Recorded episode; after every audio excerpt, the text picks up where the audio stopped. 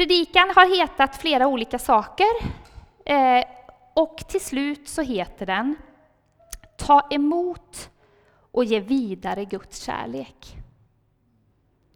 Jag tänker att det är de kristnas uppdrag. Så det är en ganska basic överskrift på en predikan, så du kanske tänker ha, det här vet jag redan, så jag tror jag går hem. Men jag skulle ändå vilja låna ditt hjärta några minuter. Häromdagen så cyklade jag hem från jobbet och visste att just den här eftermiddagen den var relativt lugn. Eh, ni vet när man har tre barn och jobbar en hel del och mannen jobbar också en hel del så kan det där livspusslet vara att det går ganska i ett. Och barn som ska skjutsas på träningar. Och... Men just den här eftermiddagen så var, var det liksom lite lucka. Och då kan man ju tänka att nu lägger jag mig i sängen en stund. Men så när jag cyklade där så kände jag, ah, jag, jag kanske skulle passa på nu när jag fick en lucka och cykla förbi någon och bara säga hej. Och så provade jag att cykla förbi ett hus där jag känner någon, men där var det ingen hemma.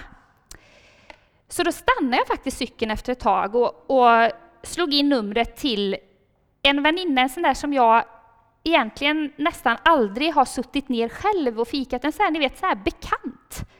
Som man träffar på stan lite och liksom Hej, är du hemma? Klockan var kanske tre. Och hon, jaha, hej. Får jag komma förbi och få ett glas vatten? sa jag. Man ska ju inte ha för stora så här, krav. Så hon skrattade lite. Ja, du kan gärna få ett glas vatten om du vill. Så åkte jag hem till henne. Och så hamnade jag vid hennes köksbord. För jag har aldrig suttit vid hennes köksbord förut. Och när vi hade pratat kanske max sex minuter, skulle jag tro, så visade det sig att hon hade blivit sjukskriven. Eh, hon mådde inte alls bra. Och det visste jag inte alls om. Eh, och jag tänker att jag tror att det var Gud som talade till mig där på cykeln. Att jag skulle ringa till henne av alla människor. Och sitta där vid hennes köksbord. Inte för att jag är något speciellt, men för att när vi hade pratat en stund så, så berättade hon att hon hade provat yoga. Hon hade provat meditation. Hon uttryckte sig, hon läste någon sån här bok av någon eh, buddhist tror jag. Så hon talade om universum och hur hon försökte lyssna inåt till den inre rösten. Men trots det så levde hon med stor oro och djup trötthet. En kvinna, drygt 50 år, som på utsidan ser ganska lyckat ut, livet. Och jag tänkte att jag ska inget säga, det kanske var konstigt, för ni som känner mig vet att jag är, ja men jag skulle säga jag är en evangelist, jag vet det. Jag älskar att prata om Jesus, men jag tänkte att jag ska inget säga. Utan jag bara lyssnade. Men så rätt som det var så sa hon, Jenny, du då? Hur tänker du egentligen? Så hon ville veta. Så jag fick berätta hur jag ser det som att jag, jag vilar i Guds famn. Jag förstår inte varför det händer så mycket otäckt, varför livet är så orättvist, varför det finns krig, men jag är helt övertygad om att Gud är god. Jag fick berätta för henne att för bara några veckor sedan så talade Gud till mig väldigt speciellt. Jag fick förklara för henne att för mig är det liksom inte bara det här universum. För hon tyckte först att ja, men vi tänker ju egentligen, det är samma sak. För dig är det Gud, för mig är det universum. Ja, men det finns en skillnad, sa jag, för jag har en relation. Jag upplever att Gud talar till mig. Jag kan be om råd. Ja, men då har ju inte du någon egen vilja, Jenny. Det vet mina barn att jag har. Eh, ja, men så fick jag säga till henne att för några veckor sedan så stod jag i att jag hade tagit ett beslut om en sak. Och ändå så var det där så svårt. Har jag verkligen hört rätt? Är det här Gud? Har Gud, alltså Gud, är du med? Är det här beslutet rätt? Så jag sa på morgonen, en orolig morgon, Gud, du måste svara. Är det här rätt beslut? Och så satte jag mig, och det här berättade jag för min väninna, så satte jag mig och jag orkar inte ens läsa i Bibeln, det sa jag inte till henne. Dålig reklam. Utan jag sa bara att, eh, ja, men jag, i alla fall så sa jag att jag, jag läste i en bok. Och när jag vände sida i den där boken så står det ett bibelord som är så klockrent svar på min fråga. Så det, var, det var liksom så att tårarna bara rann i min ensamhet. Kan, och ändå är jag så stönig, det är ju aldrig ni, men jag är så stönig så jag tänker ändå det kanske var slumpen att det bibelordet kom just i boken den här dagen när jag hade bett om ett svar. Så stönig är ju aldrig ni. Jag förstår det. I alla fall så gick det några timmar och det där bibelordet följde med mig. Mm. Men så ringde telefonen. Och i andra änden är det en kompis till mig som bor i en annan del av Sverige. Träffade honom senast ja, två månader innan detta, kanske. Och så frågade han hur det var och vi pratade lite om att, ja, ditten och datten och så säger han, hur är det Jenny? Ska jag vara ärlig, sa jag, så är jag ganska orolig. Ja, det är därför jag ringer, säger han. Och det här är samma dag som jag hade sagt på morgonen till Gud, jag måste få veta Gud. Och så säger han, jag ringer därför att jag vaknade i förrgår natt och bara tänkte Jenny Antonsson är orolig. Mitt i natten. Så jag ringer till dig bara idag, bara för att säga att du ska inte vara orolig. Och då kände jag, okej okay, Gud, nu ger jag mig. Nu fick jag svar. Och jag tänker att så, så funkar Gud. Han han är en relation, han är på riktigt. Och det här berättade jag för min väninna. Jag berättade också om Jesus. Gud är liksom, om man då tänker att många människor idag tänker Gud som det här, man, man jämför med det här universum och något skaparkraft. Och, Gud är ju jättesvårt att greppa. Han, några också tänker att Gud är väldigt, alltså han är så helig. Så han behövde sända Jesus. För att liksom vara länken mellan det här ogreppbara Fadern till Sonen. För Jesus han var ju också människa. Han har varit som vi. Orolig. Svårt att liksom tro hade han inte. Men han levde bland sådana som hade det. Och därför förstår han oss. Ehm. Och när vi hittar Jesus så hittar vi relationen till Gud. Och hon, det blev så tydligt att för henne, som en vanlig svensk, utbildad, fint hus, barn, du vet hela. För henne fanns liksom inte Gud i, begrepp, i begreppsvärlden. Och jag tror att det är så för många i Sverige idag. Och jag vet att många av er som kommer från andra länder, ni är så välsignade med att där är i alla fall Gud en självklarhet. Och därför kommer ni med någonting fantastiskt till oss i Sverige som vi behöver, tänker jag. Att Gud är en självklarhet.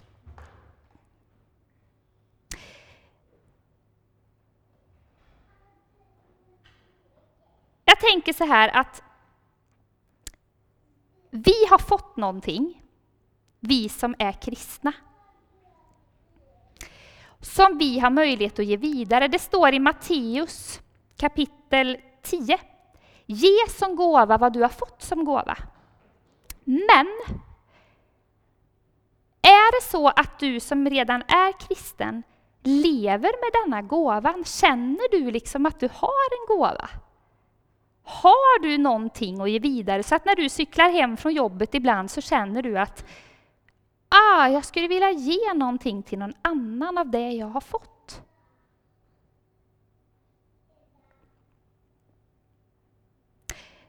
Jag tänker att vi kan få leva ett spännande liv.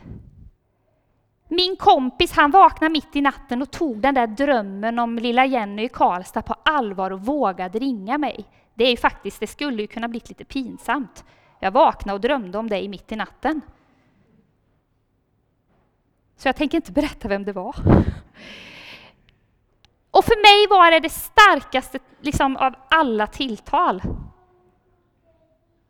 Eller att jag svängde förbi och bad om ett glas vatten och faktiskt fick få henne att i alla fall börja överhuvudtaget fundera, tänk om det finns en Gud som vill hjälpa mig genom den här svåra situationen.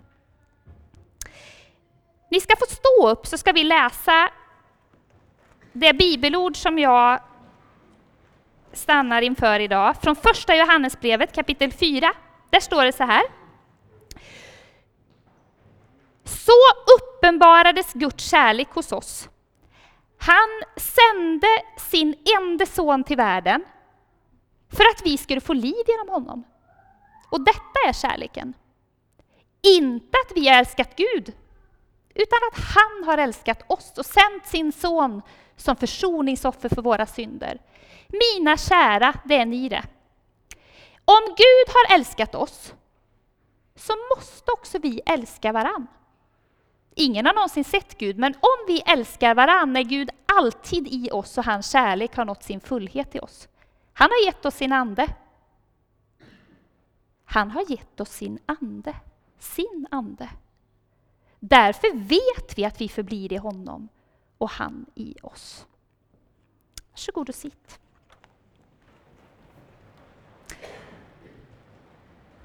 Ni kan gå upp.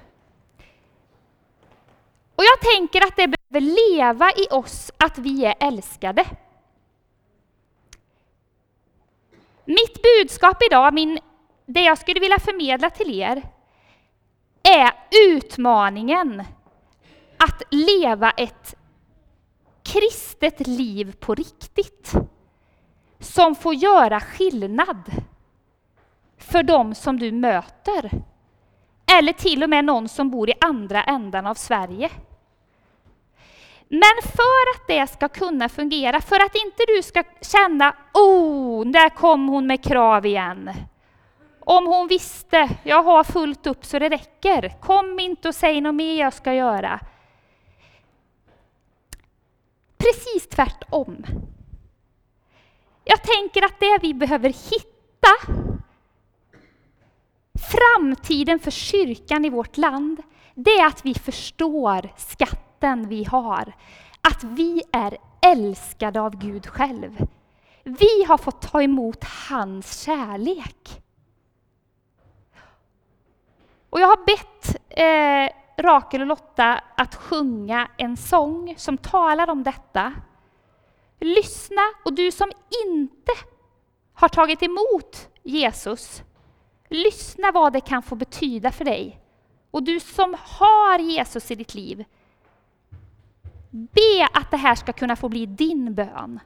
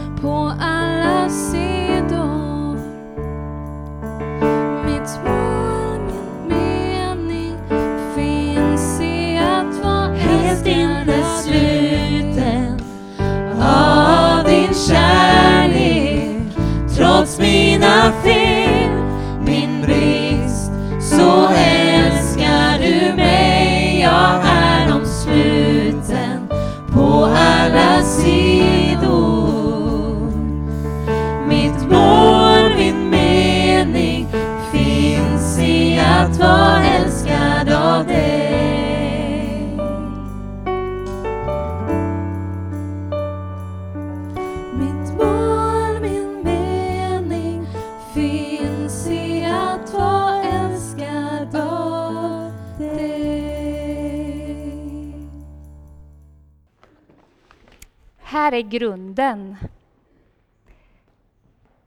Och det behöver vi gång på gång ta emot och leva i. Och det, du kanske tänker att jag känner inte riktigt det där. Jag upplever liksom inte att jag går omkring och känner mig så där helt innesluten och älskad. Så att jag har det där att ge vidare. Jag har med mig en ballong. Och jag tänker så här att för att bli medveten om den kärlek som Gud ger oss, för att vi ska ha något att ge vidare, då behöver vi liksom blåsa liv i vår ande. Eller vi, vi behöver att Gud blåser liv. Och det finns faktiskt lite knep. Det första är att jag kan säga så tydligt, jag är ändå 44 år, så jag har provat lite olika längs vägen och upptäckt, jag har gjort en egen statistisk undersökning. Och det är så här, att för att det ska vara liv i min relation med Gud, för att jag ska känna, alltså inte känna, det behöver inte vi är olika, bara i min familj så är någon av oss en riktig känslomänniska och någon märker man knappt överhuvudtaget om något är roligt eller tråkigt. Så det, det, är verkligen olika. Men vetskapen om att jag är älskad bygger på, är ni med?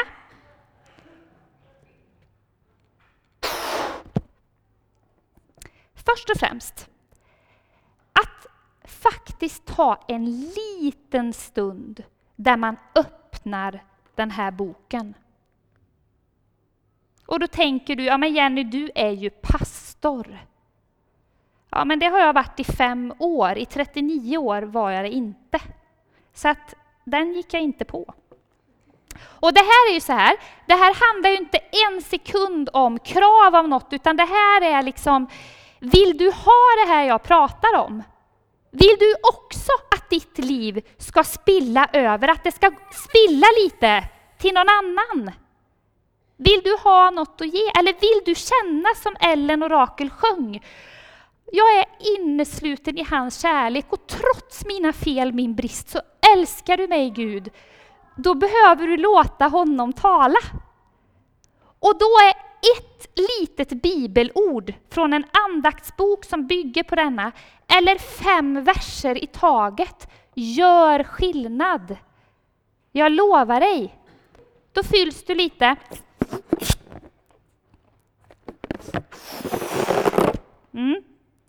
Sen till det så vet du, alla, alla har i alla fall någon i sin närhet. Någon släkting, någon vän, någon, någon partner, något barn. Och du vet att ska det vara liv i relationen så behöver ni prata med varann. Så bönen, att umgås med Gud, säg hur du känner. Jag vill känna din kärlek Gud. Jag vill också vara med om det Jenny har fått vara med om. Att, hon också, att jag vill också vara med om det Jennys vän fick vara med om. Att vakna mitt i natten av en dröm och våga gå på att det är på riktigt. Jag vill också vara med om att få sitta hos min väninna vid hennes köksbord och faktiskt få säga någonting om Gud. Tala med Gud. Varje dag. Be för andra. Bestäm dig för någon du ska börja be för. Jag är superdålig på det här. Att vara här. Inte bara en gång var sjätte vecka. För då är du liksom, då är det så mycket. Och vilka är här och vad händer och vem är hon och vad, hur ser de ut och varför springer han där? Och, men om du är här ofta. Min erfarenhet säger mig jag har också haft perioder när jag inte har gått så mycket i kyrkan. Någonting händer i pulsen av att vara här varje söndag. Även om inte den här predikan är just till dig, för du visste redan alltihop, eller du är inte ens intresserad av Gud, utan du är bara här för någon annans skull. Eller, så ändå att vara här, att vara en del av lovsången, att mötas, det gör någonting med oss. Det är djupt bibliskt att gå till Guds hus som en del av veckorytmen. Gud har skapat oss för den rytmen. Och jag är helt övertygad om det. På riktigt. Även för oss sönderstressade nordbor. Det gör något. Och när vi har den här och så pyser det ut lite Därför att livet är stressigt, det är jobbigt, det händer saker. Vi kanske pyser ut till någon annan när vi får sitta vid någons köksbord eller ta hand om någon här eller ta, ge, ge mycket till våra barn. Det är liksom, den är inte full av sig själv, utan då måste vi fylla på igen. Då måste vi ta ny tid här. Ny tid här tillsammans, ny tid i bön.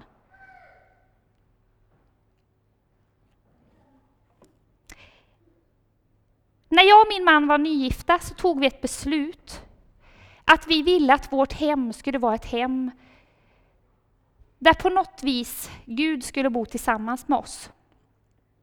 Och vi öppnade vårt hem för ett gäng studenter och tonåringar. Bland annat så var det, jag vet att han pratar om det ibland själv så jag kan säga det, bland annat så var det en, jag tror han var 16, hans föräldrar var nyskilda. Han hade det jättetufft och han eh, kom eh, Peter, dåvarande Henriksson, ringde till mig och Emil, kan ni ta emot en 16-årig kille som precis har blivit kristen? Ja visst, låt honom komma, sa vi. Och när jag öppnade dörren en dag så stod den typ, han var så stor så jag kände att hej! Så, jag tänkte jag skulle ta emot en liten pojk så här. Och jag var, vad var jag? 20, 25 själv. Eh, och att få se människor växa i sin tro, att få följa människor, att få öppna sitt hem, ge av sin tid. Jag kan bara säga att det är så spännande. Och det som, det, det som händer, det är att du själv får ett behov av att få mer. Få mer härifrån, få mer här, få mer här. Annars så har du ingenting att ge. Så då kommer det automatiskt. Relationen med Gud växer. Det finns ett bibelord som jag kände verkligen att jag skulle ha med i den här predikan. Och, och den är från Andra Kungaboken 4 och 2. Där står det så här. Det är profeten Elisha som eh, möter en änka som är i stor nöd. Och hon kommer till profeten och ber om hjälp. Och då säger inte profeten bara jag löser detta, jag har kontakt med Gud, vi fixar det här. Utan han säger till kvinnan, vad har du i huset? Alltså vad har du för egna resurser? Och i det här fallet så hade den här kvinnan lite, lite olja. Och så bad Elisha och så gav han henne lite tips vad hon skulle göra med den här oljan. Och så, ni får gå hem och läsa själva Andra Kungaboken 4, för det är en egen predikan. Men den här meningen stannar hos mig. Vad har du i huset? För jag tänker att det är ju ofta så att vi jämför oss med varandra. Och så tänker du, jag är inte som Jenny. Jag är ganska blyg. Jag vågar inte bjuda hem människor sådär. Jag vågar inte ringa på hos någon som jag inte känner så väl. Då skulle jag känna mig jättepåträngande. Eller du kanske känner, ja men det kan ju Jenny göra i jobbet nu, sånt där kanske. Eller kan hon det? Jag har inte tid. Jag jobbar faktiskt mer än heltid. Jag har det jättestressigt. Eller du kanske tänker, jag kan inte bjuda hem för mitt hem är så stökigt och jag kan bara inte städa. Jag har en svärmor som är sån så jag vet. Vi har haft många samtal om detta och hon bara förstår inte hur jag bär mig åt. Det är ju så tråkigt ställa. Så en del, eller det kan vara liksom bara, jag har så futtigt hemma, jag kan inte med att ta hem någon. För jag vill bjuda på något fint då. Och jag har inte råd till det. Men jag tänker att Gud frågar inte efter vad vi inte har. Han frågar, vad har du i huset? Och jag tänker att ja, Jesus säger ju att i Matteus, i Matteus 22 att det allra största budet är just det här att vi ska älska Gud och sen ska vi älska vår nästa. Och det kan man göra på jättemånga sätt. Du kan till exempel vara här kvart i fyra och vara en av dem som välkomnar sådana som kommer hit. Det är ju väldigt bra om man själv är hemma när gästerna kommer. Så var här en stund innan. Och vara en sån som någon annan kan sitta vid. Du kan engagera dig i språkcaféet. Du kan engagera dig på gengåvan och vika vika kläder eller diska i, i kaféet där. Det behöver man inte vara så social för, men man har händer och fötter. Du kan vara en sån som ser nya människor här och kanske är en som kan bjuda hem någon ny. För om vi som församling vill växa, då behöver vi ta hand om nya människor. Och då behövs vi alla för vi kopplar med olika sorters människor. Det kan ni inte lägga på pastorerna, vänner. Jag kan ta hand om någon, men sen behöver du ta hand om någon annan, så där behövs vi allihop. Och känner du Jenny, jag, jag kan inte bjuda hem, jag, det behöver vara så, bjud på en ostmacka. Det är, inte liksom, det är inte middagen som är det viktiga, utan det är ju att ni får träffas.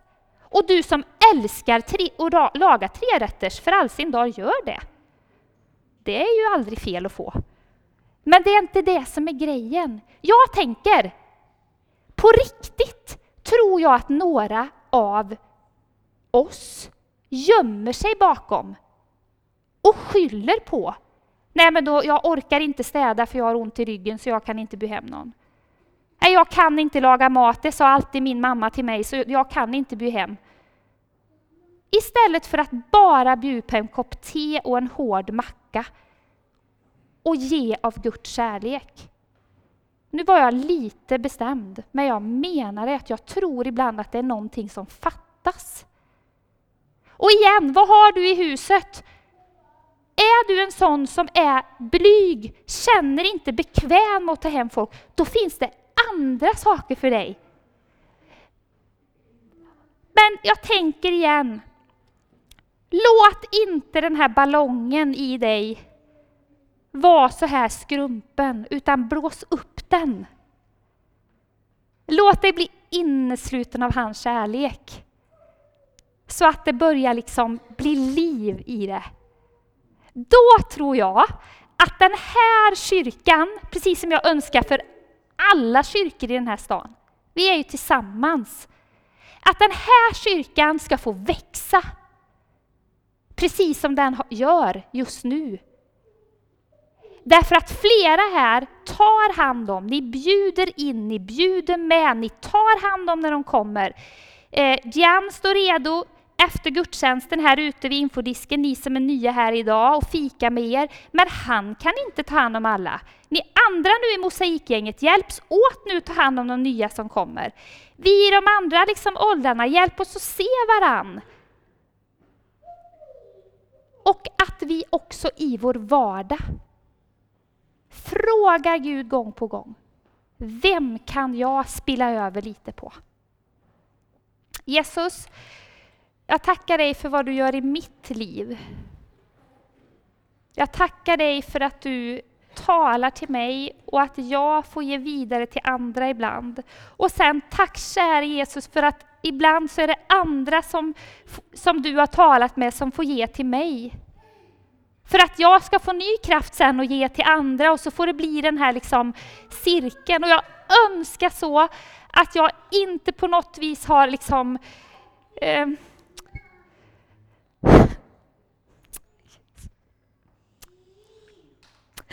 Jesus, jag önskar så av hela mitt hjärta att din kärlek skulle bli levande hos alla. Och Jesus, jag önskar så av hela mitt hjärta att ingen här har tagit det som jag säger som att jag på något vis har något som inte vi alla kan få. Jesus, jag önskar så av hela mitt hjärta en levande församling och ett levande kristet folk i det här landet. Som får se det här landet förvandlat, Herre.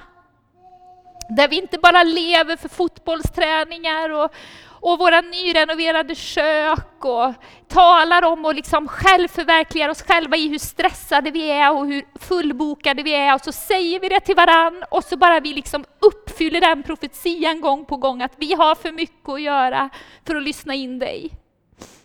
Utan Herre, hjälp oss att sätta oss vid dina fötter och låt din kärlek att få liksom bli verklighet i våra liv.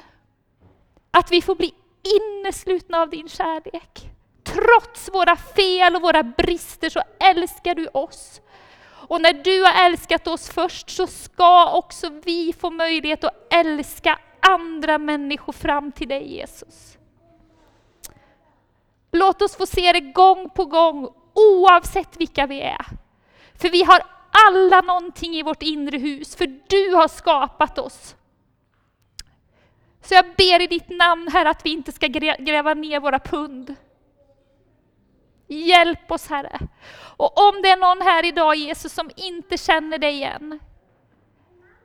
Herre, kom med din kärlek.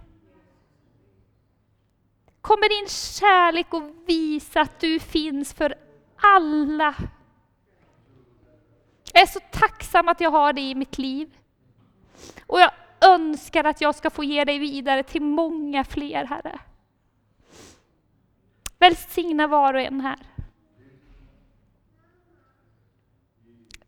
Amen.